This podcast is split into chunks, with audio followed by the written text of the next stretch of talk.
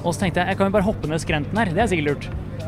Som i det øyeblikket så virka det som en lur ting. Så hoppet jeg ned, så var det vel sånn 3,5 meter ned. Og så tryna jeg og slo eh, sånn eh, skinka kraftig. Og da merka jeg også at jeg bare ble virkelig svimmel. Dette her er Jeg hadde jeg aldri i mine villeste fantasier eh, kunne få håpet. I mean, I had the best day in my last day of the season, so I'm really happy. It's the first race I win this year. Yeah, yeah, I was hoping for more, but uh, with the heat, I know that I am not good, so I am happy to, to have finished the race today. Uh, when I reached the top of the third uphill, where it was impossible even to walk, and also the hot killed me at all, and it was impossible to, to do the downhill. you know, when I am in the races and usually I see a Norwegian runner that I don't know, or for example, he comes from Dynafit or whatever, I I know that they are super strong and they are super technical. absolutamente exhausto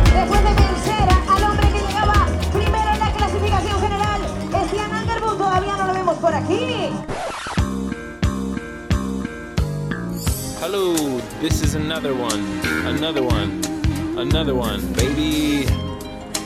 Welcome to Now Is It Alvor with Hans Christian and friends. We're going to be the best podcast that you ever did here, and we're going to thrill you, we're going to teach you, we're going to entertain you. Like Britney Spears once said, there are those of us who observe and those of us who are here to entertain. And we're here to entertain you, bitch. Ja, hallo. Ja, god dagen, folkens. Velkommen til eh, dagens episode av eh, Nå er det alvor. Mitt navn er Hans Christian Smedsrød, og um, hvis, du, hvis du hører litt sånn bakgrunnsstøy, så er det fordi at jeg befinner meg nå på flyplassen i Frankfurt. Jeg er nemlig på vei hjem fra Kanariøyene. Og eh, som du kanskje så i tittelen på episoden, så eh, handler jo denne episoden her om eh, den her Golden Trail Series-finalen som var på Kanariøya El Hierro. Og dæven for ei melkerute det er å komme seg dit, altså. Så jeg tror jeg kommer hjem i ett eller to-tida i natt etter å ha tatt første flyet i åtte-ni-tida i morges. Men eh, episoden skal ikke handle om det. Episoden skal handle om eh, alle de fantastiske prestasjonene som eh, ble, eh, ble løpt og gjort i helga. Eh, jeg vil eh, trekke fram selvfølgelig de norske prestasjonene. Han, Stian Angerbund han vant da hele serien etter å ha vunnet tre av de seks løpene som har vært hittil i år.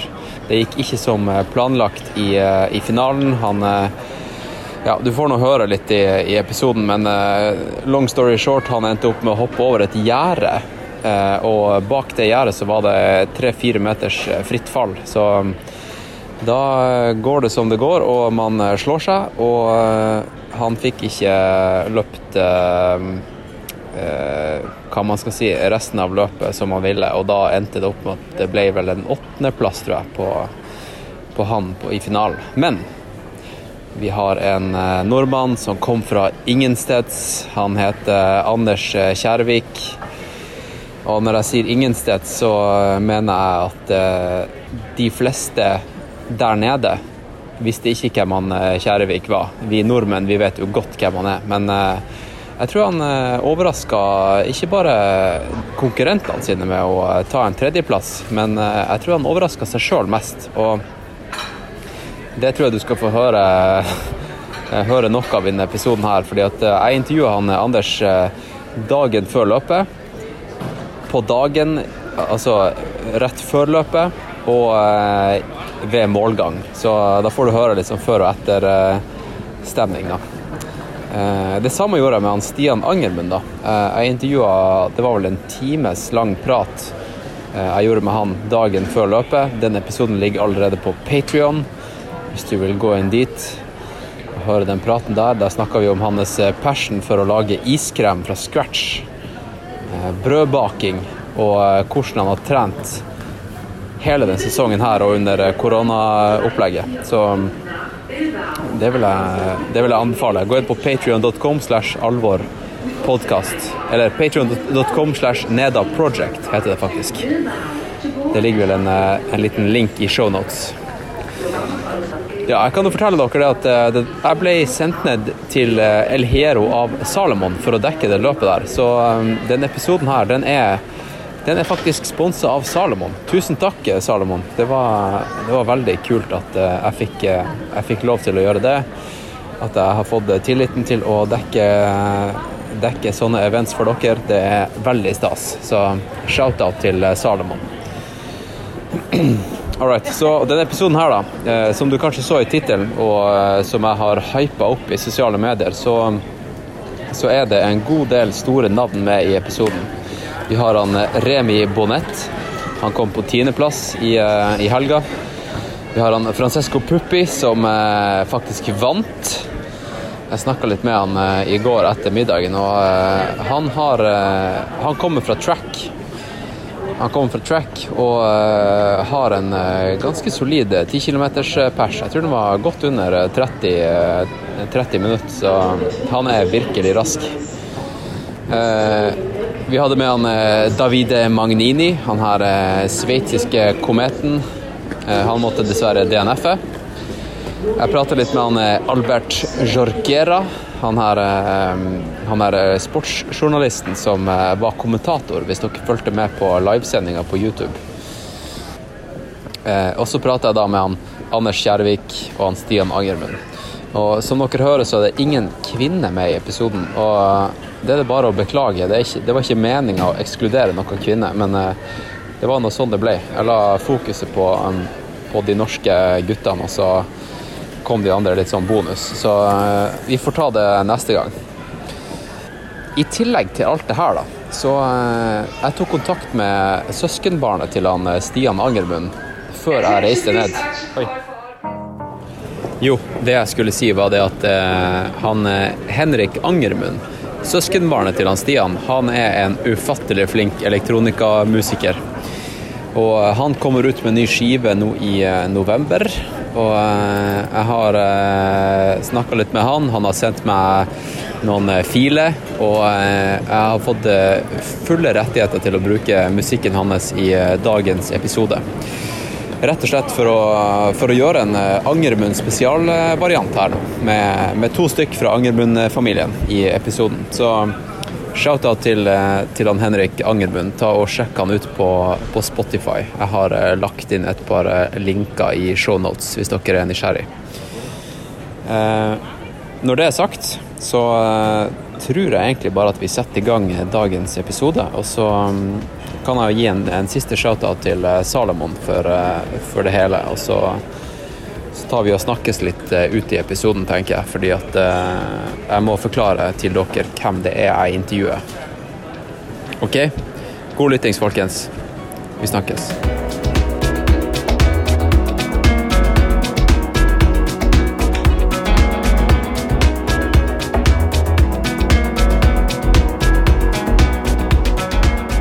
Anders Kjærevik, er det sånn du sier det? Det stemmer. Ja. Ja, velkommen til podkasten. Velkommen til El Hierro. Jo, tusen hjertelig takk. Er Det du- var en overraskelse. Er du klar? Ja, jeg eh, gleder meg som en unge. Jeg eh, har eh, ingen press på meg og skal bare springe så fort jeg kan, enkelt og greit. Ja, ikke sant. Du var, vi var nettopp på, på eh, pressekonferanse, og så kom du litt sånn inn midt i og bare sto i bakgrunnen der. Du, og så sa du etterpå at du var glad at du slapp å være, være en del av det sirkuset. Eh, nei da, vi Vi må nå se positivt på det.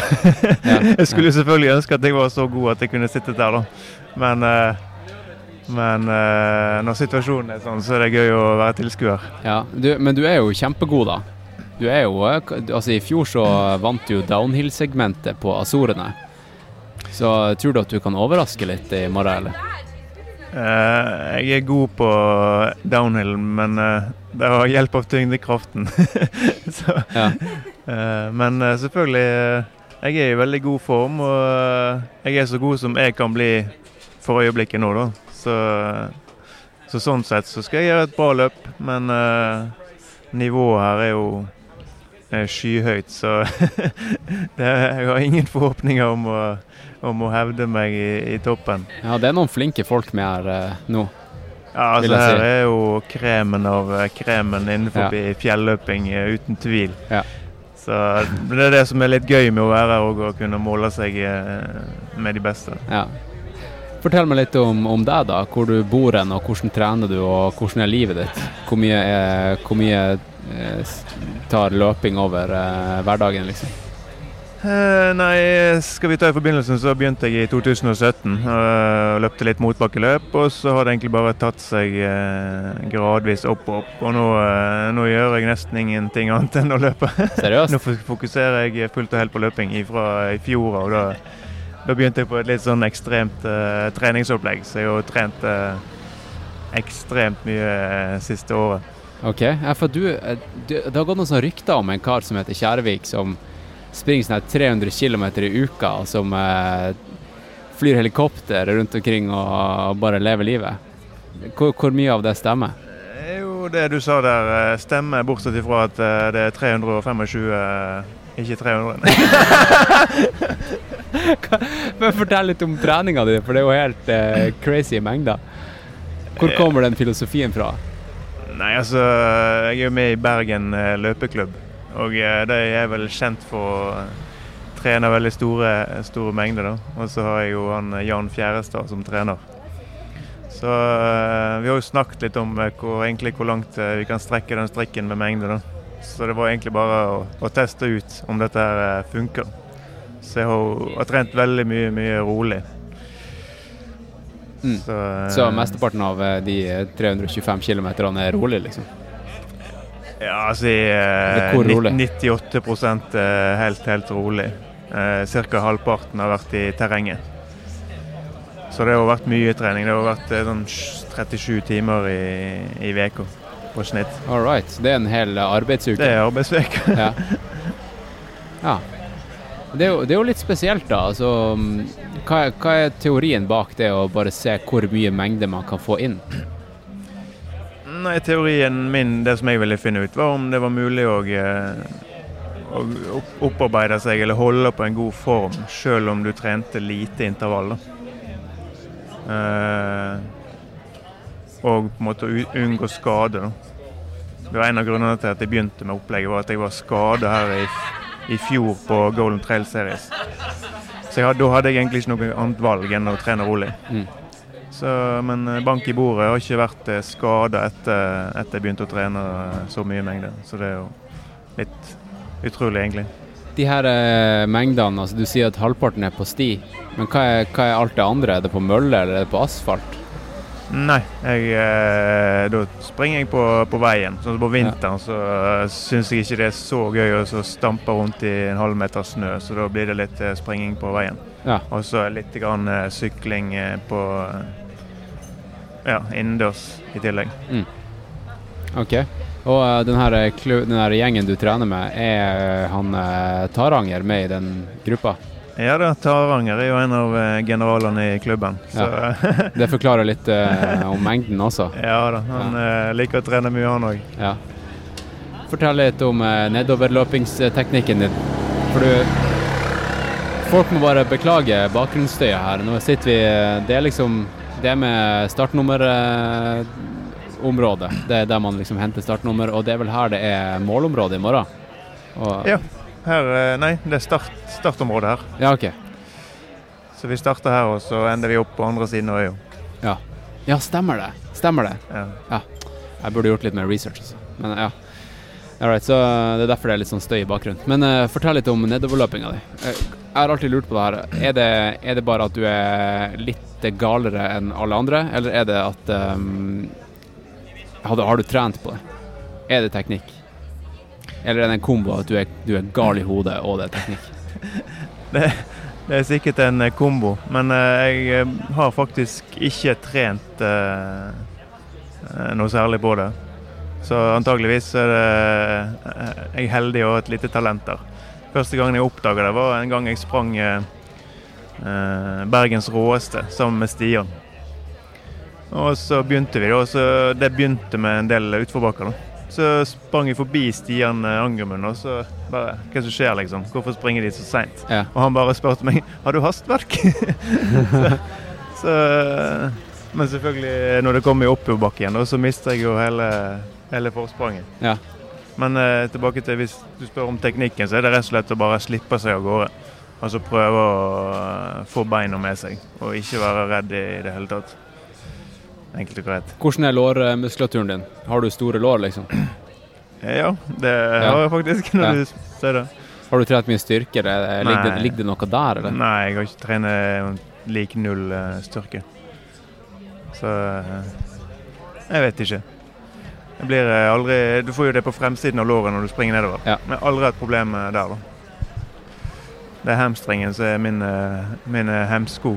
Så- Ja, hamstringen, den bruk, du bruker hamstringen jævla mye på nedoverløping også. Tror du det? Ja, du gjør det. Den ligger ja. der og liksom bare stabiliserer. så du får ikke den her, den her slitasjen. Ja, du blir ikke støl i hamstring, men den ligger der og bare tar støyten. Ja. Men det er jo interessant da, at, at du ikke har øvd noe særlig på nedoverløping. Nei, det er jo litt inspirerende, for jeg prøver jo Hvis jeg hadde hatt like god kondis som de andre, så skulle jeg klart å ha hengt på dem. Ja. Men eh, kanskje du eh, har du øvd noe ekstra på, på den andre delen av løpinga, da? Sånn at eh, du kan på en måte bare bruke nedoverløpinga til din fordel, og så har du prøvd å liksom ta innpå det forspranget andre har på deg, da, med oppoverløping? Eh, ja, det er jo det jeg prøver på. da, Hente Ja. så mye som mulig nedover. Men eh, problemet er jo at eh, konkurransetiden eh, eh, oppover er jo i tid eh, dobbelt så mye som Ja, så- nedover. ja. Så du skal, skal, skal springe sinnssykt mye fortere for å klare å ta alt igjen nedover. Ja, sant. Har du, har du prøvd lange løp? Altså lange ultraløp? Nei, jeg sprang eh, mitt andre ultraløp eh, i år. Det var NM i, i Molde. Ja, du gjorde det, ja. Hvordan Ja. gikk det? Så der eh, gikk det overraskende bra. Jeg eh, tok NM-sølv og kvalifiserte meg for VM. Så det var jo Du skal løpe VM? Ja. Shit, altså. Du skal til Thailand. det var jo veldig overraskende. Så jeg har sagt at jeg egentlig ikke skal springe ultra, så jeg har blitt litt sånn tvinger inn i det. Ja, men treninga di det er er jo ultra treninga mi ligger jo an til at jeg skal være god i ultra, da, så det er ikke en overraskelse sånn sett. Nei, det var det jeg tenkte på, da. Ja. Så sånn sett så er jo dette her et, et, det beste løpet i Golden Trail så langt, fordi at det er så langt og teknisk. Så konkurransetiden er jo kjempe, kjempelang. Hva med varmen, da? Hvordan Nei, jeg, takler du liker egentlig varmen. eh, Jeg så bare får sørge for å drikke nok, så skal det gå bra. Mm. Ja, hva du tror om, eh, om morgendagen? Har du godfølelsen? Ja, jeg eh, føler meg veldig pigg. Så eh, jeg, jeg, jeg tror at det kommer til å løpe bra, men eh, nivået mitt Uansett om jeg hadde hatt tidenes dag, så hadde jeg jo ikke klart å hamle opp med disse her topp 11. Men eh, hvorfor sier du det egentlig? Altså, Jo, altså, er, er, du, er du realistisk, I tror idrett du? så Eller? skjer det egentlig ingen mirakler eh, oppover. Men mirakler kan skje at folk driter seg ut. Men elleve stykker går ikke på en smell. Ja, det er som sant. er så Det er rutinerte. Det er sant. Og jeg vet hva jeg er god for, sånn at det, det kommer ikke det, det går Jeg har sprunget så mange løp at jeg vet hva, hva kapasitet jeg har inne, og, og eh, det, det har jeg ikke. Så Nei. jeg skal bare se hvor langt bak jeg havner. Ja. Prøve å gjøre avstanden så lite som mulig. Hvor eh, kommer motivasjonen din fra, da? For at, eh, jeg tenker det å, å stille til race og, og, og fly helt ned til El Hierro eh, og, og si det du nettopp sa, da, at du vet at du har ikke sjans. Hva er det som eh, motiverer deg? Nei, altså Som jeg sa, så er det veldig inspirerende å springe med den flokken her og verdens beste fjelløpere. Og å reise til eh, Kanariøyene og kose seg i varmen i tillegg og ta det som en ferie, det kan, kan jo ikke bli bedre i, i mine øyne, da. Mm. Ja. Det var, Så, og Stian har jo lært meg at eh, det er ikke alltid resultatet som teller. Det er jo liksom å ha den følelsen av å yte bra og gjøre et godt løp. Det er Nettopp. egentlig viktigere enn en det presset om om å absolutt komme på, på toppen. Da. Mm. Så eh, det er litt deilig også å kunne slippe det presset, da. Da kommer jo ofte resultatene også. ut. Ja da. Ja. Selvfølgelig, du, du gjør jo bedre løp når du slipper å eh, bruke energi og krefter på, på eh, å tenke på plassering og gå for hardt ut og sånne ting. Ja. Jeg er jo ekspert på å gå for hardt ut, så i morgen skal jeg prøve å, prøve å kjøre mitt løp. Fortell om helikopterkjøringa, da. Eh, ja, det Det begynte jeg med i 2014. Så det var jo bare en sånn uh, vill idé som jeg kom på, som jeg måtte gjennomføre. Uh, så jeg hadde mitt eget helikopter i tre år, og så solgte jeg det. Og så nå har jeg kjøpt meg et eh, nytt et. Men uh, for øyeblikket så står det standby borte i kjeller, da. Så forhåpentligvis så får jeg det ut nå i denne måneden, så jeg kan begynne å fly litt igjen. Hvor stort er helikopteret? Ja, det er bare sånn lite tomannshelikopter.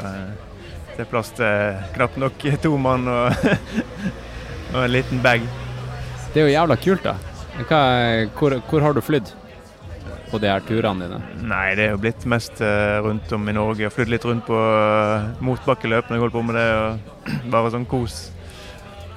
Du, har du hørt om han eh, Bill Burr, standup-komikeren?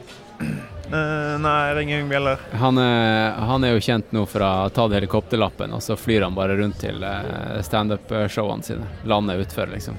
Ja, Så går han inn, og så, så flyr han hjem igjen, liksom. Det høres ut som noe jeg kan begynne med når jeg er ferdig å løpe. Ja, med standup. standup-komiker. Ja. Men hva, med, hva med jobb og sånt? Du, du sier du, du springer egentlig på heltid nå. Hva, hva du har gjort før, og hva du har gått fra? Altså, jeg gjør jo lite grann, da. Men jeg prøver òg å rydde vekk mest mulig jobb og, og ting som tar eh, tid og energi. Eh, jeg har vært litt heldig, da. Jeg jobba veldig mye før jeg begynte å eh, løpe. Eh, så jeg har eh, drevet med eiendom og investert ganske kraftig tidligere. Og eh, nå selger jeg ut og ja, leve av uh, avkastningen. Nå høster du. Nå høster du. Ja.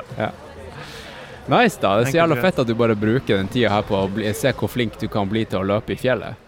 Det er så Ja. mange andre ting man kunne gjort, liksom. Det er så mange ting en kunne gjort, men uh, du må liksom gå helhjertet inn i det du holder på med, så blir det bare halvveis. Så uh, nå er det dette som, uh, som teller.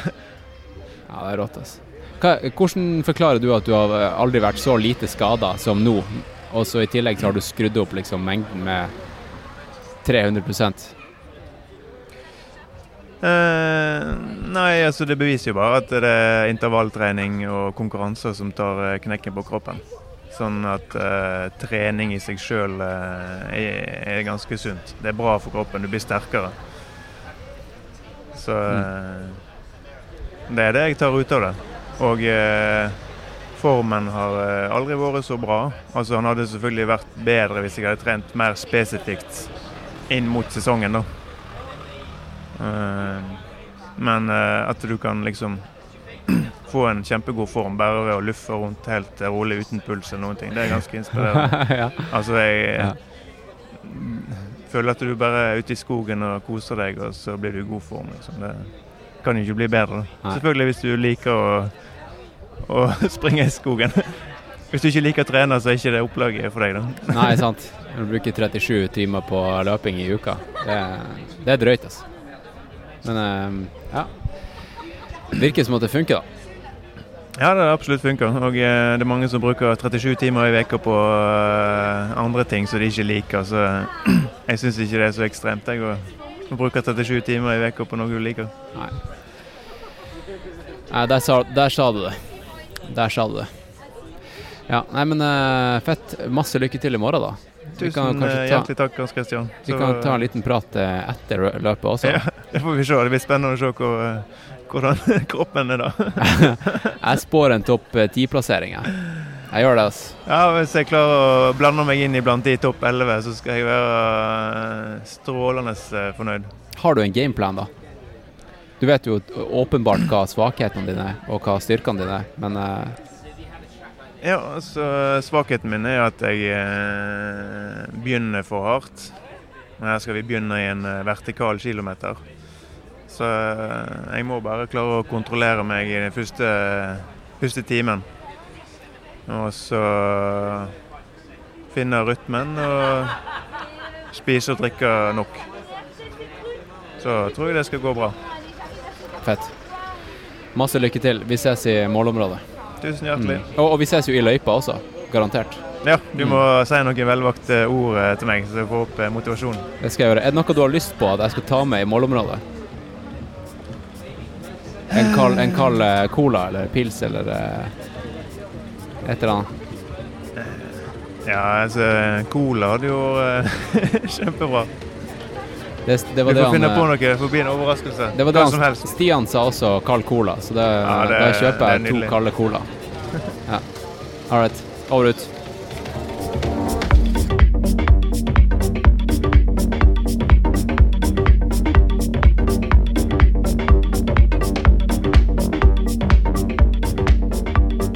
Alright, jeg står her eh, på løpsdagen.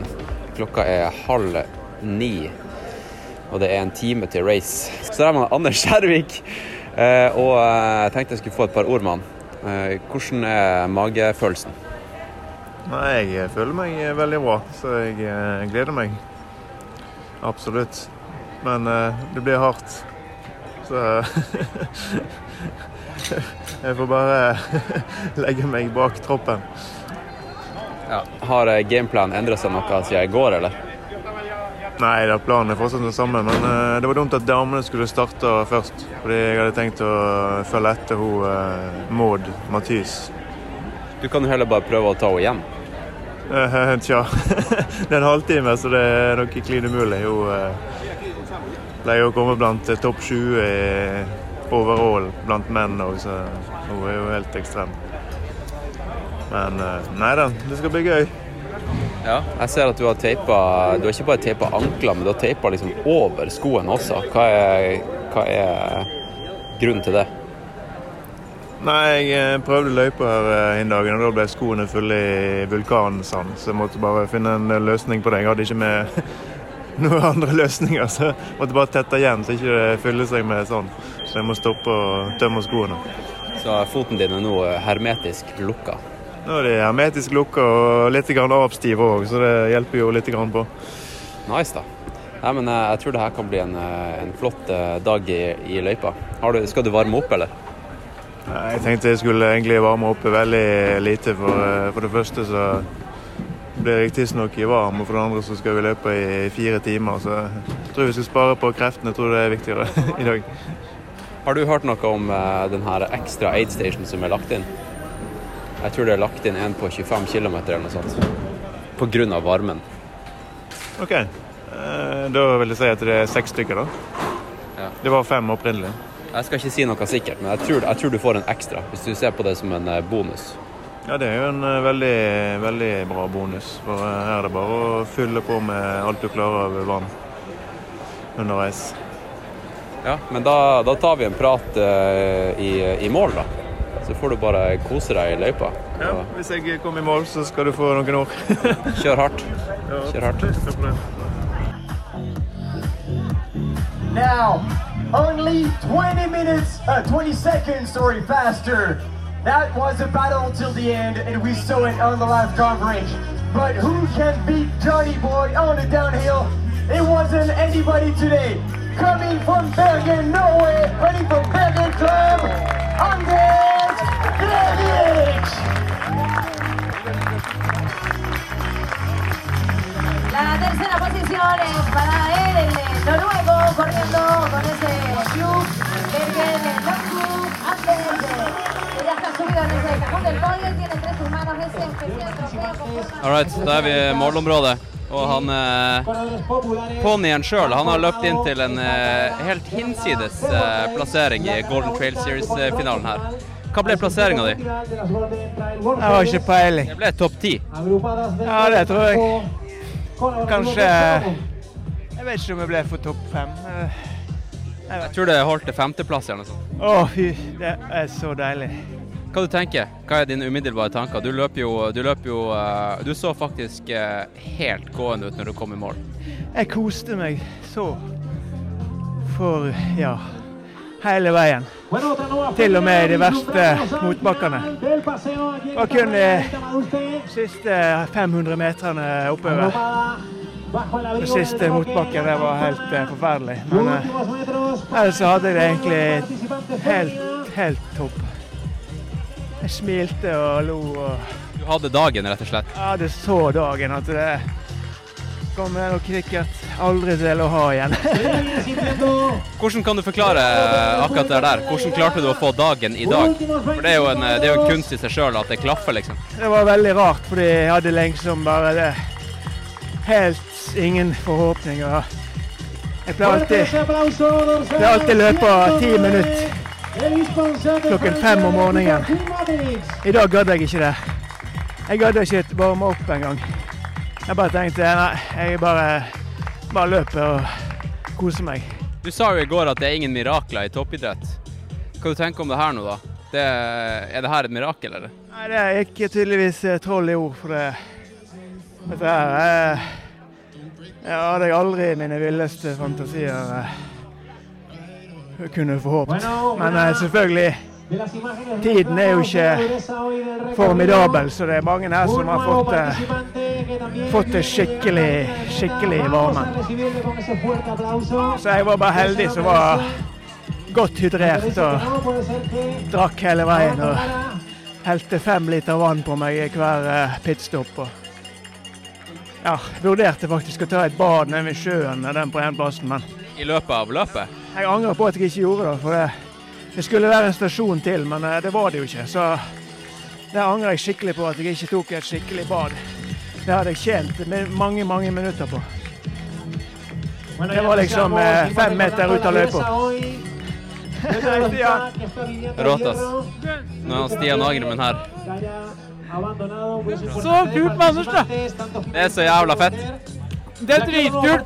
Det er så rått, altså. Det er fantastisk, Anders. Jeg er stolt av deg, altså. Ja.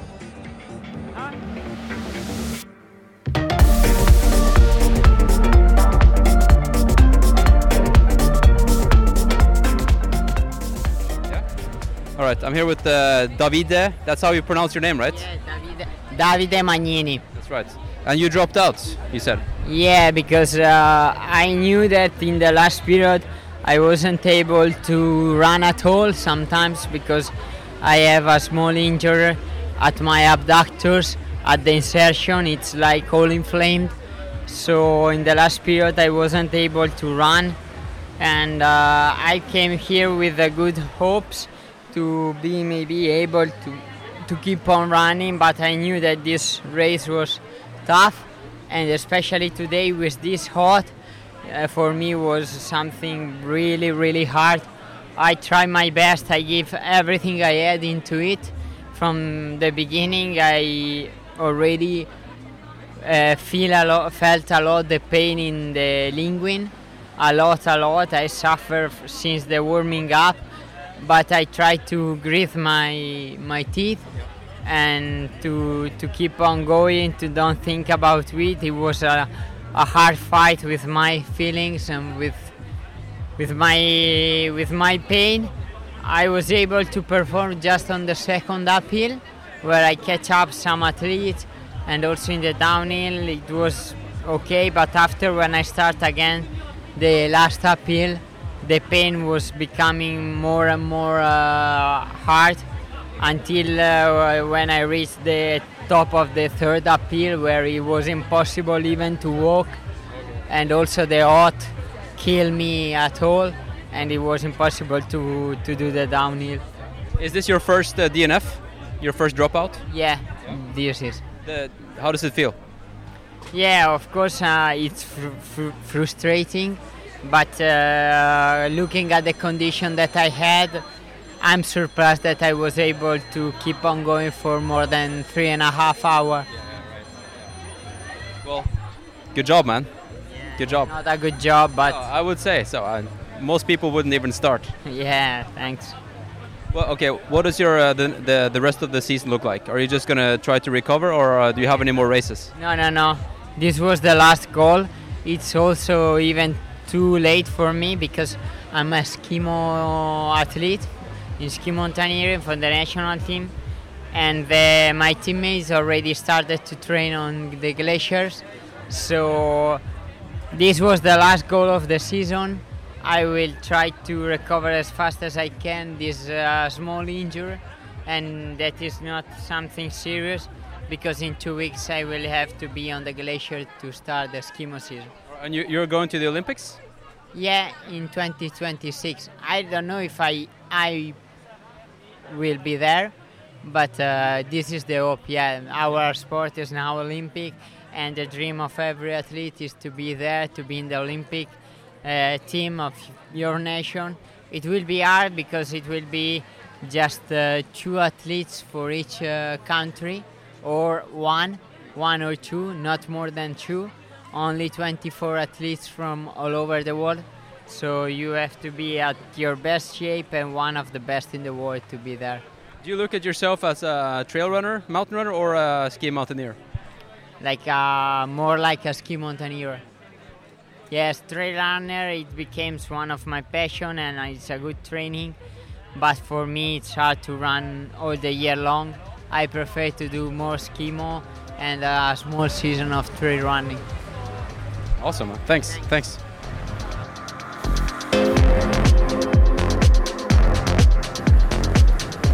All right, eh, folkens. Da er det han Hans Christian, programlederen, som eh, kommer eh, inn her. Og jeg må rett og slett eh, kommentere litt. Jeg er fortsatt på flyplassen i Frankfurt, og um, dere hørte jo der han eh, Davide Magnini.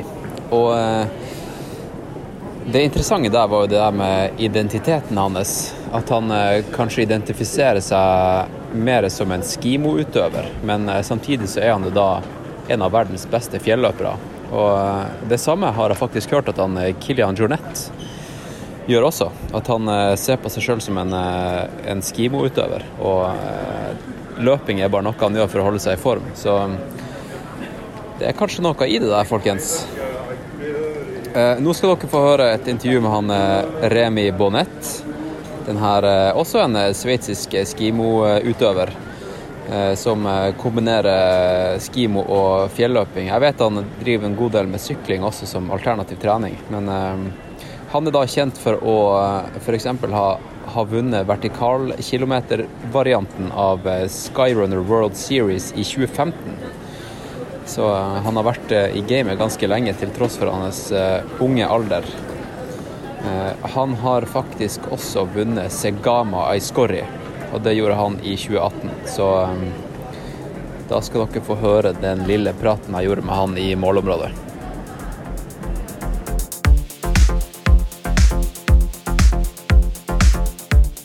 Was your day on the trails?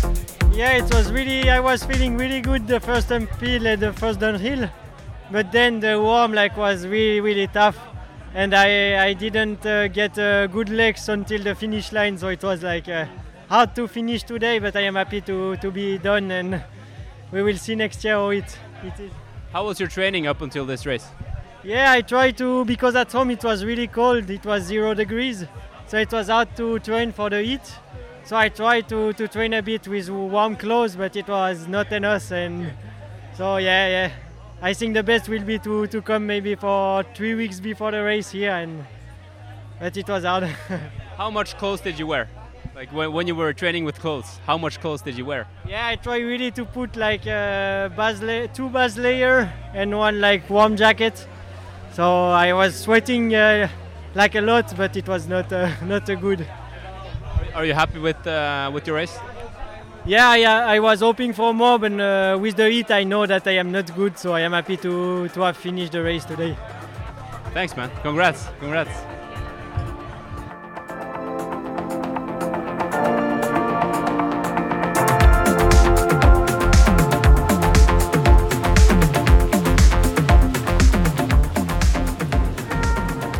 All right. Det var han eh, Remi Bonnet. Og nå tenkte jeg at dere skulle få høre en eh, prat med vinneren av finalen. Han eh, Francesco Puppi.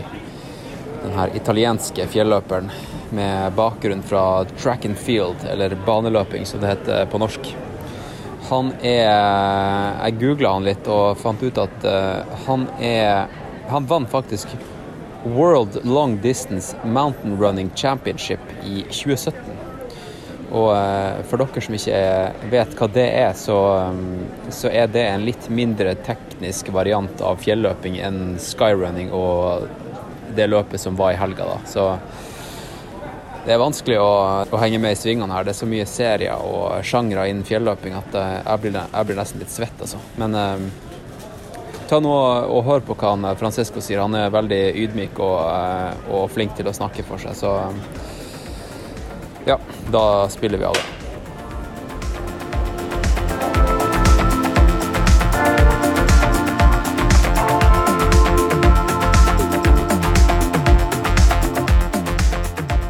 Um, I mean, I had the best day in my last day of the season, so I'm really happy. It's the first race I win this year. That's awesome, and you win the final. What? And you win the final. Yeah, I think um, today was all about suffering, you know, because the conditions were very, very tough. The heat was was rough. Um, we were all very, very tired after the first two climbs. So from there, you just had to dig deep, and uh, apparently, I had something a little, a little more than all the others. So today was my day. If we do it tomorrow, everything changes. That's the cool thing about trail running. Did you have a strategy before the race, and uh, did you stick with it? Yeah, my strategy. I know I'm a good climber, and I I can also run a little bit faster than the other guys on the flat because I come from track and field, and I still train a lot on the flat. And um, on the downhill, I just try to do my best and uh, not get too much gap from from the other guys, which I did. Um, so yeah, that that was my strategy basically. Did you see Stian when he uh, went off course? Were you there? Yeah, yeah, I was just uh, probably five seconds behind. He went a little bit off course. Um, we, I called him. There was also my coach there that was um, cheering me. Uh, but it, he didn't turn around. Uh, he decided to jump off a wall, and unfortunately, he fell. And that's where he started having some problems. Unfortunately, I was already gone. Otherwise, I would have stopped him to, you know, to make sure he was okay. I'm glad he still finished, but um, you know, I'm also sorry for, for the accident. Sometimes it hap- I mean, it's something that we need to take into account in trail races. It can happen, a, a fall or, or a little accident. Um, and um, yeah. I just talked to Remy Bonnet here, and uh, he said he wasn't uh, doing very well in the heat. Did you do any heat uh, acclimatization or? So um, um, where I live in the summer is pretty hot and humid. I live uh, near Como in Italy, northern Italy, and uh, you know I think uh, training there and not like maybe staying in the mountains all the summer eventually made a difference. So I'm used to training in the heat. Um, during these last few weeks before the race, um, I, I also broke a, a wrist uh, like um, one month ago, so I had to run with a brace. And for example, I instead of going cycling, um, I did some bike rollers at home under the sun. So I think that helped me a little bit. Of course, I couldn't go cycling uh, um, on the roads because I had a broken wrist. But with uh, with that strategy, I think it made a little difference and it eventually helped. If, if it wasn't for the wrist, would you have been cycling anyways? Yeah, I think uh, I like cross training and I do I do cycling uh, maybe once once a week or so. Uh, during the winter, I mostly do bike rollers, bike trainers. Um, but uh, where I live is a very popular um, land for cyclists, so it's it's nice to ride on Como Lake and uh, in the Alps. It's it's very cool. So I yeah I do. All right, man. Congrats. Thank you very much.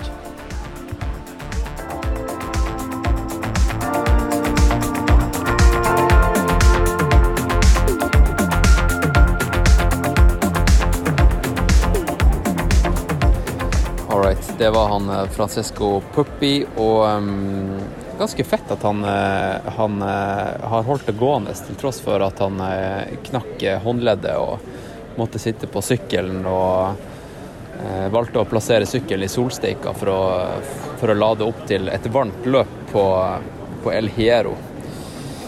Fett. Fett, fett, fett. Og da tenker jeg at vi tar en prat med han Albert eh, Jorgera. Han er journalisten som eh, dere så på, på livesendingen. Eh, han jobba tidligere i, eh, i Skyrunner World Series, så jeg kjenner han litt derfra. Og så mm, møtte jeg han faktisk i Chamonix for et par måneder siden også, da han faktisk løp UTMB. Han eh, løp UTMB. Det var det lengste løpet han, eh, han har gjort noen gang, og eh, han var fortsatt ganske sliten. Så ta nå og hør litt på han Albert, hva han har å si om de norske utøverne. Det er ganske fett, faktisk.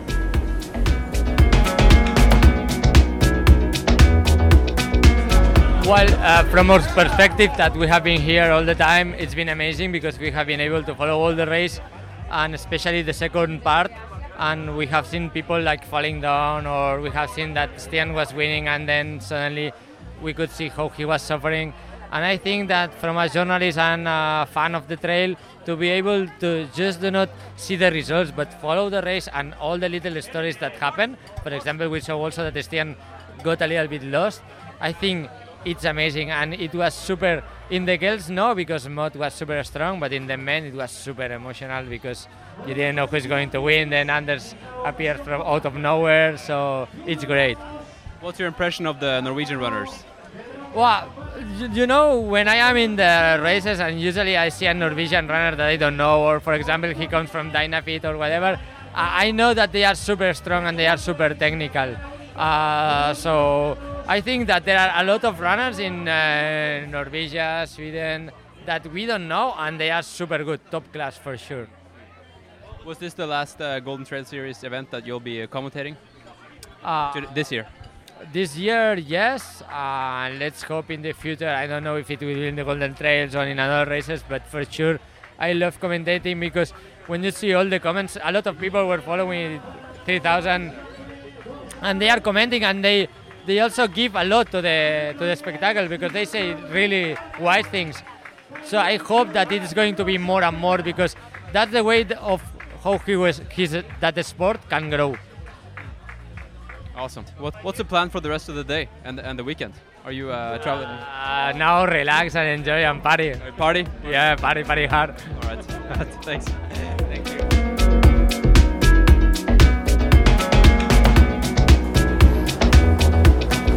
Alright, eh, folkens. Da har dere hørt eh, han eh, Albert Sjorkera. Og da tror jeg egentlig bare at jeg tar og spiller av intervjuet som jeg gjorde med han eh, Stian Angerbund etter eh, at han hadde løpt inn da til åttendeplass og seier i eh, Golden Trail Series, hele, hele greia sammenlagt. Rett og slett. For en prestasjon, altså. Jeg vet ikke om jeg tør å sammenligne det her med noen andre norske friidretts- eller løpeprestasjoner, men det er høyt der oppe, altså. Høyt der oppe. Jeg, får, jeg håper han får eh, så mye kudos som det går an å få i eh, nasjonale og internasjonale medier. We're missing one, obviously. Our champion in 2021. He saved the first position for three little points. Only three points allowed him to stay on top and win this 2021 Golden Trail World Series. He's coming from nowhere, running for Southland, ladies and gentlemen.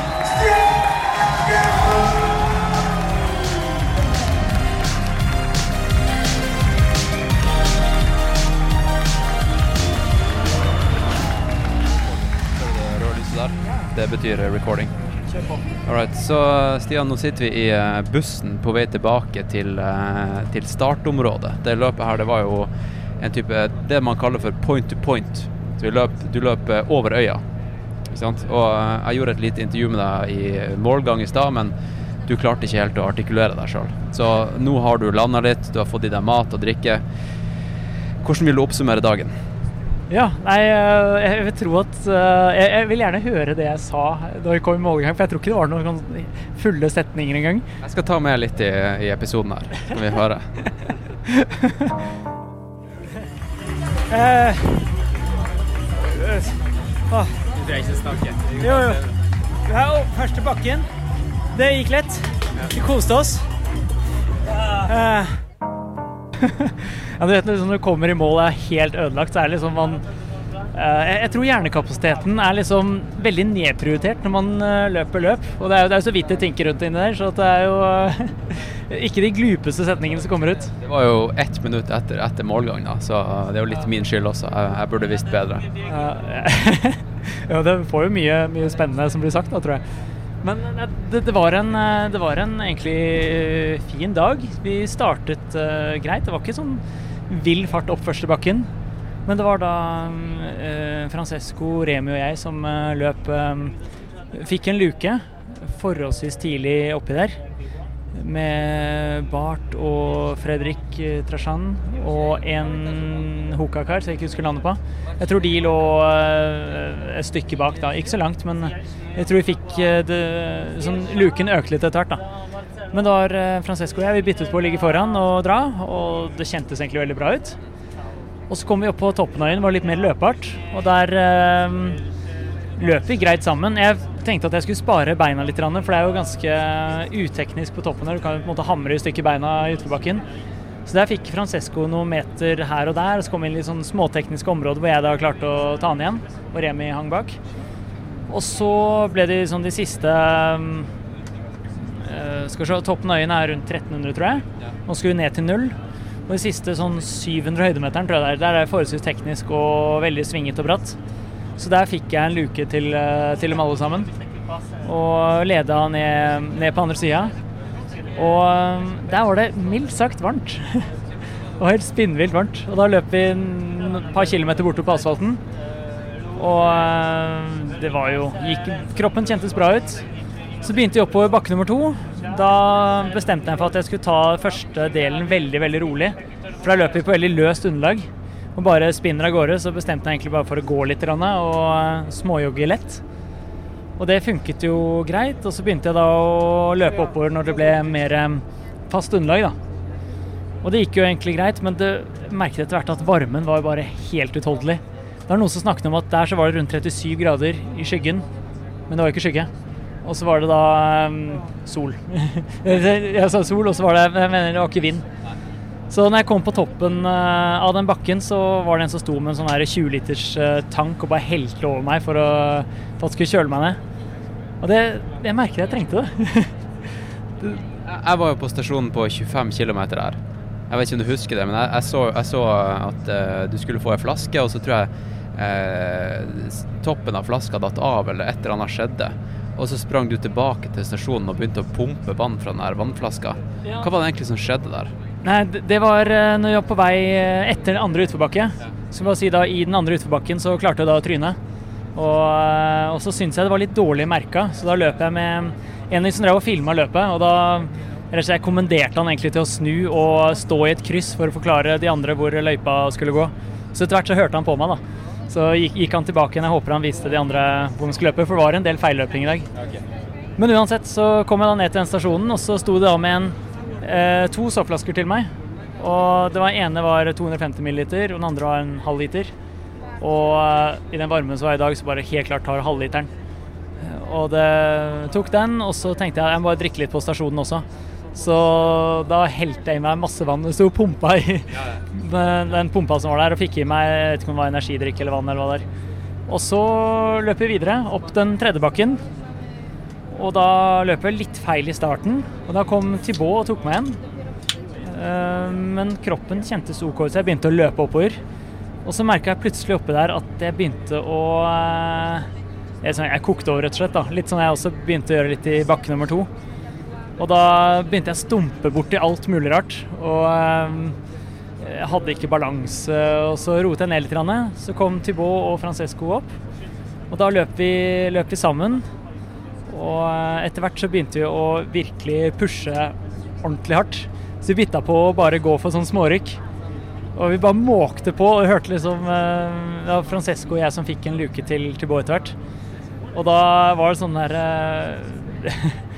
Hørte han liksom Det kom liksom sånn jeg vet ikke, sånn pipelyder når han bare ga alt han hadde. Og så var det min tur til å gå i alt jeg hadde. Jeg vet ikke om jeg lagde noe lyd eller hva det var. Og så var det helt, helt på toppen av siste bakke, så fikk jeg en luke. Og jeg tror nok jeg ga litt vel mye. For å få luka, liksom? Ja, ja. Jeg, sånn, eh, jeg, sånn, I dag så løper jeg for å vinne løpet, ikke for å på en måte sikre sammenlagt. Uh, og så tok vi da til høyre og løp uh, sånn inn på en sti. Og så skulle vi ta på en måte til høyre igjen og løpe nedover. Men der tok jeg til høyre litt for tidlig. Hoppa over et uh, gjerde, fordi der løp vi her for når vi gikk gjennom løypa for noen dager siden. og det var feil. Og så var det noen som ropte på meg. Og så tenkte jeg bare å shit, nå har jeg løpt av Jeg vet ikke hvor langt jeg har løpt av, men jeg, jeg kan jo bare hoppe ned skrenten her. Det er sikkert lurt. Feil vei, da. Som i det øyeblikket så virka det som en lur ting. Så hoppet jeg ned, så var det vel sånn 3,5 meter ned. Og så tryna jeg og slo eh, sånn eh, skinka kraftig. Og da merka jeg også at jeg bare ble virkelig svimmel. Kanskje du missa fokus da, og at du da begynte du å innse hvor sliten og varm du var?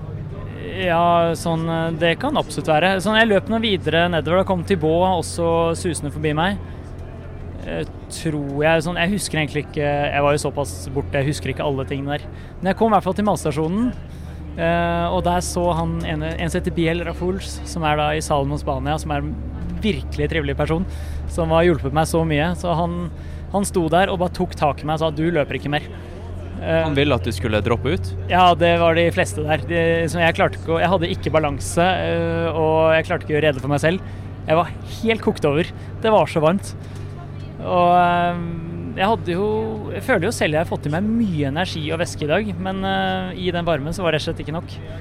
Og da, men jeg sa jo jeg skal i mål, og så lo litt av det. Og så, og så begynte jeg da også å jogge, og ifølge Ambiel så løper jeg forholdsvis greit tempo i slak utforbakken der, og så begynte det å bli bratt, og da klarte jeg nesten ikke å bevege meg. Jeg tror det var eh, Jeg snakket i hvert fall med min kjæreste og min fetter nå i stad, som hadde sett det live. De sa bare at dette så bare virkelig ikke bra ut. Bra ut. Og de, de, sa jo også at eh, de var glad for at jeg ikke ble skada. Sånn, jeg har slått meg, men jeg har ikke på en måte fått noen store kutt. Uh, og så Da lå jeg da på tredjeplass og var så vidt jeg klarte å røre meg. Og hadde vel en tre-fire kilometer mål, tror jeg. Og halta meg nedover, eller jeg vet ikke helt hva jeg gjorde. Men det gikk sakte fremover. Og så var det plutselig da, så kom han Fredrik Trasjan og Anders Kjærvik. Kom jo susende ned. Og det var, jeg merket det var så gøy å se Anders gjøre det så vanvittig bra. Han, han er jo ny i dette sirkuset her. Og har jo Jeg tror han fikk en 18.-plass, hvis jeg ikke husker helt feil, på Skyrun. Som er vilt bra. Men å da toppe dette med en tredjeplass, eh, for han da klarte å løpe forbi Fredrik Tarzan, som da er egentlig mildt sagt imponerende, fordi det er en orienteringsløper. Orienteringsløpere er ofte vilt gode utforbakke. Eh, så at, eh, at, han klarte det, det, det gleder meg skikkelig. Han kom på tredjeplass, og så han der Fredrik Trasjan på, på, fjerde, og han Jan Margarit på, på ja, femte. Jan Margarit kom uh, forbi meg på slutten, og så Eller ja, nå var det en, jeg vet ikke, en kilometer eller noe. Og jeg drev og halta meg nedover. Og så ehm, så jeg han Bartlomei kom eh, bak meg når det gjensto sånn 300-400 meter eller noe sånt. Så jeg bare shit. For jeg visste ikke hvordan jeg ville ligge han eh, sammenlagt. Og eh, jeg klarte å holde han bak meg, så vidt det var. Eller jeg vet ikke, avstand mellom oss ti sekunder eller noe. Og så fikk jeg høre nå i stad at jeg har vunnet serien med fire, tre eller fire poeng, er det noen som sier. Så hadde Bartlett forbi meg, så hadde jeg tapt serien. Ja, sant. Så du, du endra fokus fra å uh, kun tenke på å vinne dagens race til å prøve å bare humpe deg inn til en, uh, til en sammenlagt seier? Ja, det var det som var fokuset etter at uh, jeg kollapsa og tryna. Men det var jo sånn Jeg hadde ikke lyst til å safe inn til en sammenlagt seier. Jeg hadde på en måte jeg hadde bestemt meg på forhånd. Jeg skulle gå inn for å vinne dette løpet her. Ja ja, men når alt ble som det ble, så Ja, ja. Så jeg, jeg er kjempefornøyd. Og um, det var, eh, det var virkelig gøy, den der eh, fighten jeg hadde med, med Francisco og, og Thibaut, men det var på en måte Francisco og jeg på, på slutten av stigningen der. For Jeg tror det er lenge siden jeg pusha så hardt som jeg gjorde der. Altså. Kan, du, eh, kan vi grave litt dypere i det der? der? Fordi at um, ofte så er det litt sånn alfahann-spill. At det er litt sånn alfahann-spill, der, man, der man ligger og kniver med noen i teten så uh, kanskje man later som at man er mindre sliten enn det man egentlig er. Uh, og, uh, og bruker noen sånne skitne knep. Gjorde du noe av det, eller gjorde han noe av det, eller hvordan utarta det seg? Nei, jeg føler at dette var bare vi, vi var bare så ødelagte og slitne begge to at vi bare ga det vi hadde. Og når, noen, når en av oss følte at vi hadde, nå hadde vi litt energi, så bare kjørte vi på med en gang vi hadde muligheten. Og det var eh, Dere lå og følte på hverandre, liksom. Du, kjente, du hørte på pusten hans han ja, sånn, Jeg hørte at han led skikkelig, altså. Det var noe, sånn der, noen pipelyder inni der som eh, hørte at liksom man, man skjønte at han ga alt. Og det samme var det for min del, og, sam, og som med Thibaut, hvor vi da byttet på å ligge foran og ha våre rykk nedi, lenger ned i bakken.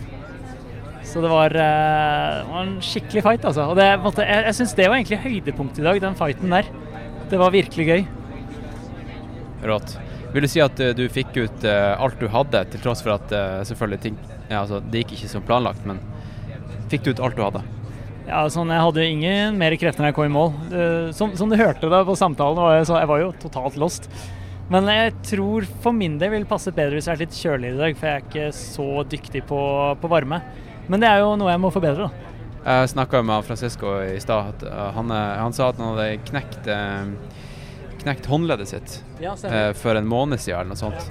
Så han har sykla veldig mye. Men han har sykla på, på rulla si hjemme i sola, i solsteika. Og det er det han har gjort for å, for å forberede seg til det løpet her, da, for å akklimatisere seg. Så han hadde jo da et, lite, en liten fordel der, da. Det kan det være, men det, måte det, det vi gjør nå i forberedelse til løp, det er å gjøre best mulig type trening. Og han har virkelig gjort hjemmeleksa si. Jeg må si at jeg var litt overrasket over at han skulle gjøre det såpass bra, med tanke på ja, eh, med, med tanke på at eh, ene er håndleddet, og det andre er at han normalt sett ikke er så dyktig på teknisk eh, terreng. Og det er virkelig imponerende hva han fikk til, altså. Så det, det syns jeg var utrolig kult av han. Jeg må bare si en ting, da. Sånn derre eh, Du merka jo kanskje jeg var litt sånn emosjonell i stad. Eh, for det var sånn eh, Jeg har opplevd det en gang tidligere, da jeg løp i skyrunning-VM i 2016. At, for da hadde jeg jo tenkt på den vertikalen i et halvt år. Og så vant jeg den, og dagen etterpå så vant jeg skyracet og ble dobbelt verdensmester. Som var på en måte bare en spinnvill opplevelse. Og da husker jeg da jeg satte meg i bilen etterpå, for jeg skulle kjøre litt opp til der hvor jeg bodde, så bare rakna det fullstendig for meg. Jeg hulka og gråt og rista. Eh, og var helt ute av meg. Jeg vet ikke hvor lenge det var. Men eh, jeg aner ikke om dette var fem sekunder eller ti minutter. Det, det aner jeg ikke, men det var bare en helt merkelig opplevelse. Og jeg fikk litt samme følelse nå i Eller ikke helt, da, men det, sånn, det, var, det var noen tårer som kom nå i stad når jeg skjønte jeg hadde, hadde vunnet. Ja, gikk du for deg sjøl, eller? Ja, sånn, jeg skulle egentlig snakke med kjæresten min, og da bare kom tårene med en gang. Kan du prøve å forklare det der? For eh, det er mange som bare har sett på, på f.eks. langrenn og, og folk i OL liksom, som presterer kanskje over evne, og så gråter de når de kommer i mål. Hvordan er det egentlig føles å gråte av glede? Ja, sånn, Jeg vet egentlig ikke helt hva jeg gråt av heller. Om det er da at jeg var uh, kokt over og bare det at jeg har vært så svimmel. Jeg tror, tror på en måte når du er helt, helt nede, så tror det er lettere å bli mer emosjonell. Men uh, det er en veldig merkelig opplevelse. Men jeg, jeg tror det er som hvis du har hatt et mål du har jobbet med over tid, og du virkelig klarer dette målet, så tror jeg det gjør noe med den. altså. Og jeg har fokusert på den, uh, hele den serien her nå i hele år. Og det å faktisk kunne klare det, gjorde at det, det kom noen tårer. Det skjønner jeg godt. Hvor, eh, hvor, lenge skal du suge på den eh, karamellen her før du, eh, før du, blir sulten igjen, for å begynne å jobbe mot det neste år? Um, nei, det, det, har jeg ikke tenkt på, egentlig. No. Hvor, lang, hvor, lang, tid tror du det tar? Du sa jo i, i, praten vi hadde i går at du skulle ta deg tre uker helt off. Men hvor lang tid tar det før du blir sulten igjen? Uh, jeg tror nok det kanskje tar et par ukers tid før den kommer tilbake. Og så spørs det hvilket løp jeg får lov til å være med på. da. Jeg har jo veldig lyst til å løpe uh, fjell-VM i 40 km, uh, som er der. Hvis jeg kvalifiserer meg, da. Men det, det, får vi se på. Nå, nå, har jeg hørt liksom at sånn løpet som privatserier teller ikke. Og Golden Trail-serien er jo en privatserie, så det er ikke sikkert jeg kvalifiserer meg for å løpe i VM. Det er jo helt klart, du er jo ikke god nok til å løpe for Norge. Nei, jeg er visst ikke det, kanskje. Eller vi får se. Jeg har jo veldig lyst til å være med, så får vi se hva de finner ut av. Så hvis, hvis det blir noe av, at, eller at jeg kvalifiserer meg, og VM faktisk blir noe av, da Du skal vel ta en avgjørelse nå i november. Så blir nok, blir nok ganske hurtig et fokus mot det, altså. Da blir jeg nok veldig sulten igjen. Rått. Nå er vi vel snart framme, tenker jeg. Nå er vi på andre sida av øya igjen. Vi har kjørt bussen fra, fra målområdet og så tilbake nå. Eh, Det er helt annen type terreng. Det er på den andre sida. Det, liksom, det er skikkelig frodig der, og så er det mer sånn vulkansk, eh, tørt landskap på denne sida. Du kan merke at det er liksom litt eh, kaldere her. Eller ikke Ja. kaldt, men det er på en måte mer eh, bedre temperatur. Men hva syns du om toppen? Du var jo Det var, ja, vi snakka om det her i går, at du sa at det var liksom jungel på toppen. Ja. Og jeg er helt enig. Veldig fascinerende at det var såpass tørt nede med, med havet, og så ble det bare jungel på toppen. Akkurat som en sånn her eh, sånn her, eh, en punkersveis. Skjønner du hva jeg mener? Ja, ja, absolutt. Og det, det er sånn Jeg har vært der noen ganger hvor det da er eh, Det er jo ofte er en sky på toppen av fjellet. Hvor det bare sånn er, Du ser bare at eh, dråpene henger på trærne, og det er sånn skikkelig frodig. Og det er så Det er ganske stor kontrast til bare noen kilometer bortenfor hvor det er ørken. Så det er spinnvilt. Du, jo, en ting uh, uh, apropos uh, liksom landskapet her. Han Kjærvik han tok jo og teipa opp føttene sine før, før start. Og det var jo Teipen var på utsida av skoen for å forebygge at det skulle komme stein inn i skoen. Eh, Hvordan gikk det med, med dine sko? og Fikk du mye stein inn i skoene? For det er jo veldig, sånn her, eh, veldig mye lavasand. Stemmer det. Eh, Jeg fikk veldig lite i skoen de første to utforbakkene. Men siste utforbakken, der er det et langt parti med veldig mye løst. Så det var nok Det, det, var, var litt ikke så mye, men det var, en del oppi skoen da jeg tok det av. Eller jeg måtte faktisk ha hjelp til å ta det. Jeg klarte ikke selv. Jeg klarte ikke å bøye meg ned. Ja, for du, du så veldig sliten ut. Det er sjelden jeg har sett deg så sliten og, og ødelagt. Det var egentlig litt deilig å se at du også blir sliten. Jeg var mildt sagt ødelagt altså. Var, eh, men jeg klarte å komme opp til den der eh, Noe slags sånn Røde Kors-telt de hadde der oppe, hvor de lappet sammen folk. Og det var jo eh, Folk var ferdige, altså. Det var veldig mange som lå observert med sånn her slange i, i armen og med noen sånne dråper som kommer inn. Så det var, det var heftig. Han eh, han, eh, når han tok eh, dopingtest og måtte pisse i et glass, så han sa at han pissa cola. Hvordan var din urin etter løpet? Har du, har du pissa? Nei, jeg har faktisk ikke pissa ennå. Jeg pissa faktisk i løpet. Ja, I andre oppforbakke. Mens du løp? Ja. Jeg kjente det, det Jeg drakk jo ville mengder i dag. Så jeg drakk jo Morten stort sett hele veien for å også få i meg næring.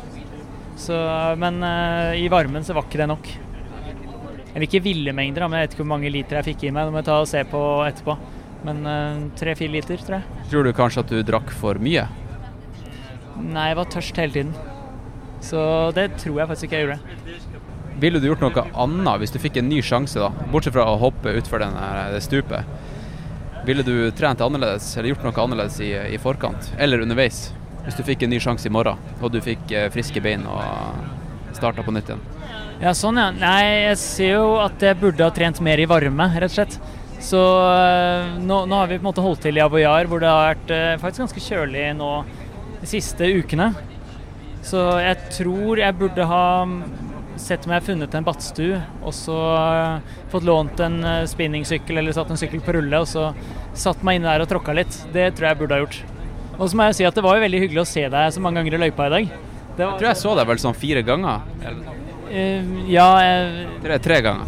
er litt vanskelig for å telle. Så det var, var litt borte underveis der, men det var i hvert fall veldig hyggelig å se deg. Det satte jeg utrolig stor pris på. Jo, like måte. Eh, Så et nytt spørsmål, da. Hva vil du si at eh, det har å si å møte på folk du kjenner i løypa? Jeg tror det er absolutt veldig mye å si. Det, kan, det er mange ganger man løper at man kanskje ikke viser så mye av det. Eller sånn viser så mye, at, så mye glede og sånt når man møter folk, men det gjør veldig mye med en. altså. Det at man har noen der som heier på deg og man får et smil, det, det betyr veldig mye. Og jeg tror jo lenger du løper, jo mer betyr det, tenker jeg. Nå, du har jo løpt en god del lange løp, så du vet jo litt mer om det enn det jeg vet. Ja, ja, jeg er helt enig med deg, og eh, jeg syns det betyr alt. Men det er bare artig å høre andre sitt, eh, sitt perspektiv på det. Men du har jo reist mye alene, har du ikke det? Og gjort mye løp. Bare dratt ut ei helg og gjort et løp og dratt tilbake. Ja, det har jeg gjort veldig mye av. Men du har, du har jo folk rundt deg da, som er i teamet, som ja. supporter deg. Ja, vi er heldige det i Salomon at vi har mange gode støttespillere. og vi har da, Han jeg nevnte i stad, som Biel Rafuls, som er i Salomon Spania. Han blir alltid som Hver gang jeg møter han så blir jeg så glad. Han er bare så fantastisk god person. Så han er uh, det beste personen Salomon har. Så uh, han, han gir på en måte alt for å støtte løperne, uavhengig av merket, egentlig. Og eh, han var en virkelig god person som eh, hjelper meg mye, altså. Hva, hva du sa han het? Biel Raffouls. Shout-out. Ja, sant. Uh, og det, det er laget en sånn YouTube-film av han. Hvor han da, han er sånn dere kaller camera, kamerarunner Han er en av dem som springer med kamera. Ja, han gjør det, men uh, han får ikke lov til å jobbe for internasjonale Salomon, selv om han er sykt god. Så han eh, styrer på med Salomon Spania og lager mye for dem, da. Men de lagde da en episode om han, som jeg syns var uh, fin, fin måte å hedre han på. Ja, det, det er kult å se hvordan den livedektinga foregår nå. Da, jeg, husker jo for et par år siden, da var det da var det veldig sånn eksperimentelt. da. Du så noen som løp med noe, noe sånn eh, GoPro med en sånn stabilisator, men nå er det jo virkelig satt i system. da. Livedekninga var jo helt sjuk i dag. Ja, sånn, Det blir jo stadig bedre og bedre, og jeg synes jo på en måte der livedekning av Golden Trail Series begynner jo å bli, eh, bli bra. Men sånn, De mangler jo en del ting, da, sånn som man da ser på eh, pro-turen når de sykler. så er det sånn, Hva hva er det man følger med på når de tråkker i fjellene? Det er jo grafikken. Avstanden mellom folk. Og de har eh, Nå har ikke jeg sett dagens episode, da, men, eh, men de har veldig lite av, eh, av det på eh, Eller de har jo egentlig ingen grafikk, tror jeg. Ja, det er sant. Du ser det på live-kommenteringa at eh, hver gang noen kommer inn i sendinga, så spør de liksom hvor er han Stian? Hva har skjedd? Ikke sant? Det, det burde jo vært i grafikken, så slipper folk å lure. Ja, jeg syns vi burde ha jobbet litt mer sånn, Det har jo selvfølgelig noe med budsjettet å gjøre og sånt da, for å få det, få det til. Men jeg syns det også er litt sånn der når man løper noen, eh, noen bakker. Så både opp- og nedoverbakke så kunne det være greit også å vise liksom, sånn som de gjør da i proturen. da, Hvor du ser liksom hvor bratt bakken er, stigningsprosenten for hver enkelt kilometer. Litt sånne ting tenker jeg at de kan, eh, kan legge til. Og så gjerne at de kanskje kan intervjue noen av løperne og hive det inn litt innimellom. liksom Dems tanker om, eh, om løpet. Ja, intervjue dem liksom i forkant. Ja, sant. Jeg, jeg tror det kan, og litt sånn, Da går an å på en måte, kan du jo si noe om strategier som de har planlagt, sånne ting, for ingen får jo se det før løpet. Så jeg, jeg tror Jeg, jeg, jeg syns der er det forbedringspotensial. da. Og så er det jo noen av disse sendingene hvor de enten bare snakker uh, italiensk, sånn som i løpet Dolomittene, og ingen skjønte noen ting. Pluss at det var ikke så god sending. Det løp opp i skyen der, så var det ingen som så, så noen ting. Så at, uh, og andre løp hvor de bare snakker fransk eller spansk, så er det liksom sånn Ja, da, da må de i så fall ha det på flere språk, tenker jeg. Ja, jeg tenker man kan kjøre parallelt. Eh, Flere, flere kommentatorer som kommenterer samtidig. Ja, det kan de jo begynne med. Og de har jo det på sånn som UTMB, så har de jo den på Jeg vet ikke hvor mange språk det er. Men det Jeg tror det er fem språk, inkludert kinesisk. Såpass, ja. ja. I hvert fall en god del. Så um, jeg tenker der er det noen forbedringsmuligheter, da. Ja, Det er vel pengene det står på. da. Det er jo, eh, de har jo ganske greit budsjett nå, men eh, det, det er tydeligvis ikke nok, da. Og så er det jo, det krever mye når det ikke er telefondekning overalt heller. For at eh, de kjører jo på 4G, de her dronene og de live eh, De som springer med kamera. Så det, det er jo litt utfordringer. Men jeg tenker at eh, da burde man kanskje ikke, ikke ha de her løpene der det ikke er telefondekning og vanskelig å, å dekke løpet. Ja, det er noe sant. Og har det vært da når jeg løpt i Sigama, så er det dagen før løpet så er det jo fantastisk dekning. Når det er 10 000 stykker oppi der, så er jo dekningen elendig. Men de har jo hatt noe spinnville greier med at når noen fly som har flydd oppi der, hvor de sender liksom opp til en satellitt og ned til flyet osv. Som de, de bruker ganske heftig mye penger på det. Så øh, de bruker mye penger på det, og ikke så mye til lønning til oss øh, som løper, men øh, Nei, men Hvor du tror eh, sporten er på vei, da? I, eh, hvis, vi snakker litt, eh, hvis vi kan snakke litt om det. da. For at eh, Det kommer jo mer og mer penger inn i dekninga av det her. Det blir mer og mer media rundt det. Men eh, hva, med, hva med det å verdsette dem som faktisk eh, springer løpet? da? Ja, det kan jo sånn vi, vi som løpere har lyst til å kunne leve av det også. Men øhm, Nei, jeg vet ikke helt. Det, sånn, det virker som det blir mer og mer fokus på å tjene penger.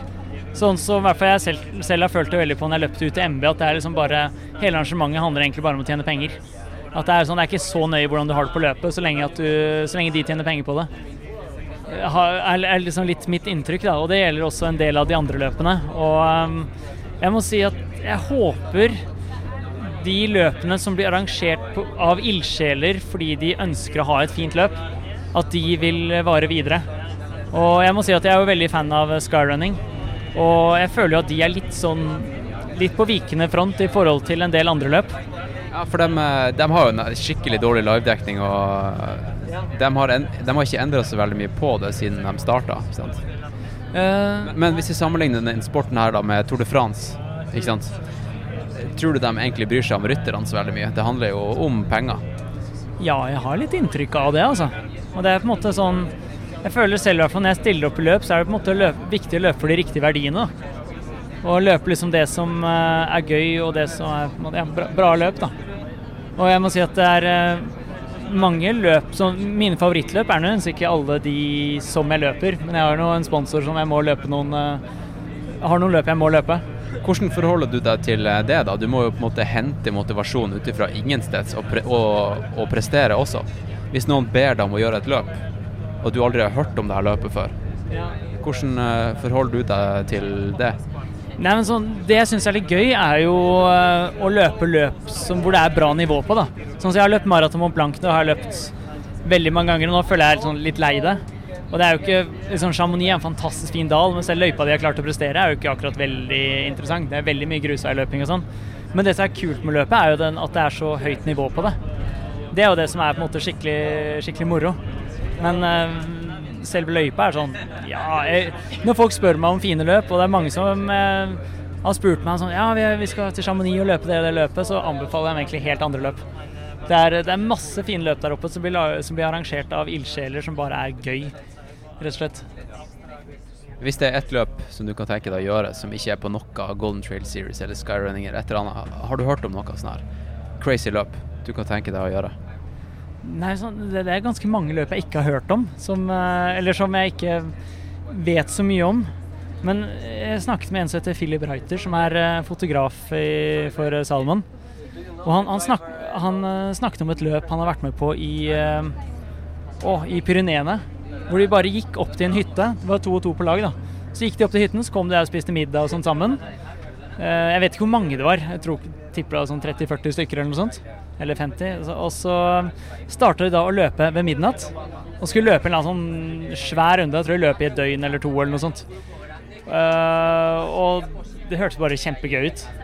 En sånn eh, spennende trasé hvor du kunne egentlig Du måtte bare innom sjekkpunkt, så kan du vel finne løypa selv. Ja, At det blir mer ekspedisjon? Ja, ja. Og det, det han fortalte, var jo at de som leda, de skrudde av hodelyktene så de andre ikke skulle se dem. Og så, ja, og så sa han måte sånn De hadde jo sånn refleks på sekkene og sånt, så de kunne jo se dem. Så det var sånn litt sånn tullete å skru av hodelyktene når du da kan se dem. Og så hadde de kommet ned til den ene bygden, og de andre på en måte gikk ut, inn på do, for det var sånn sjekkpunkt. Og så drev de og hoppa ut av vinduet og løp av gårde. Så de, de gjorde mye sånne ting, og det er sånn Det er litt gøy. Ja, det er fett, ass. Nå er vi framme, Stian. Da tar vi og avslutter det her intervjuet. Takk for eh, Den Claro Piso som jeg snakket om, det er jo et løp jeg vil anbefale. Det er gøy. Og generelt Skyrunning-seriene, for det er eh, mye mor morsomme løp. Rått. OK. Vi, eh, vi, må, vi må eh, avslutte. Over ut.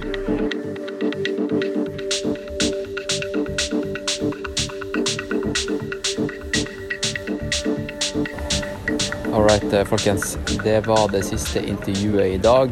Det var det siste jeg hadde å by på fra El Hiero. Eh, Hvis dere vil høre mer av han Stian, så kan dere gå inn på, eh, på patrion.com slash nedavproject. Der ligger det faktisk også et ikke bare et timeslangt intervju som jeg gjorde på fredag før løpet, men også et intervju jeg gjorde med han og, og søstera hans i fjor sommer. Da jeg bodde hjemme hos han ei ukes tid. Der de snakka om eh, skrønerhistorier fra, eh, fra reiser de, de har vært på rundt omkring. Så det er bare å komme seg inn på Patrion. OK? Eh, jeg tenkte å, um, å avslutte dagens episode med, med litt musikk. Nå som vi har fått så mye fantastisk musikk å bruke av, eh, søskenbarnet til han Stian, han eh, Henrik Angermund, så tenkte jeg å avslutte med, med sangen som heter 'Naboens sveler'. Naboens sveler. Så eh, ta og sjekk han Henrik ut på, på Spotify. Det er faktisk eh, jeg, har, jeg tror jeg har sånn ti låter av han inne på intervallspillelista mi, så det er, det er virkelig bra å høre på når du, eh, når du vil tenke på litt andre ting enn eh, melkesyre. OK. Det var det, folkens. Vi, eh, vi snakkes, da. Vi snakkes i neste episode. Og neste episode det tenker jeg blir fra Lillomarka rundt i, eh, i Oslo, som, eh, som går til helga. Rett og slett. Jeg skal stille opp med mikrofon i målområdet og eh, lage en liten eh, Nå er det alvor-stand og intervjue dem som har eh, gjennomført. Så eh, folkens, tusen takk for at dere hører på. Takk til Salomon, og så, eh, så snakkes vi i neste episode. Over og ut.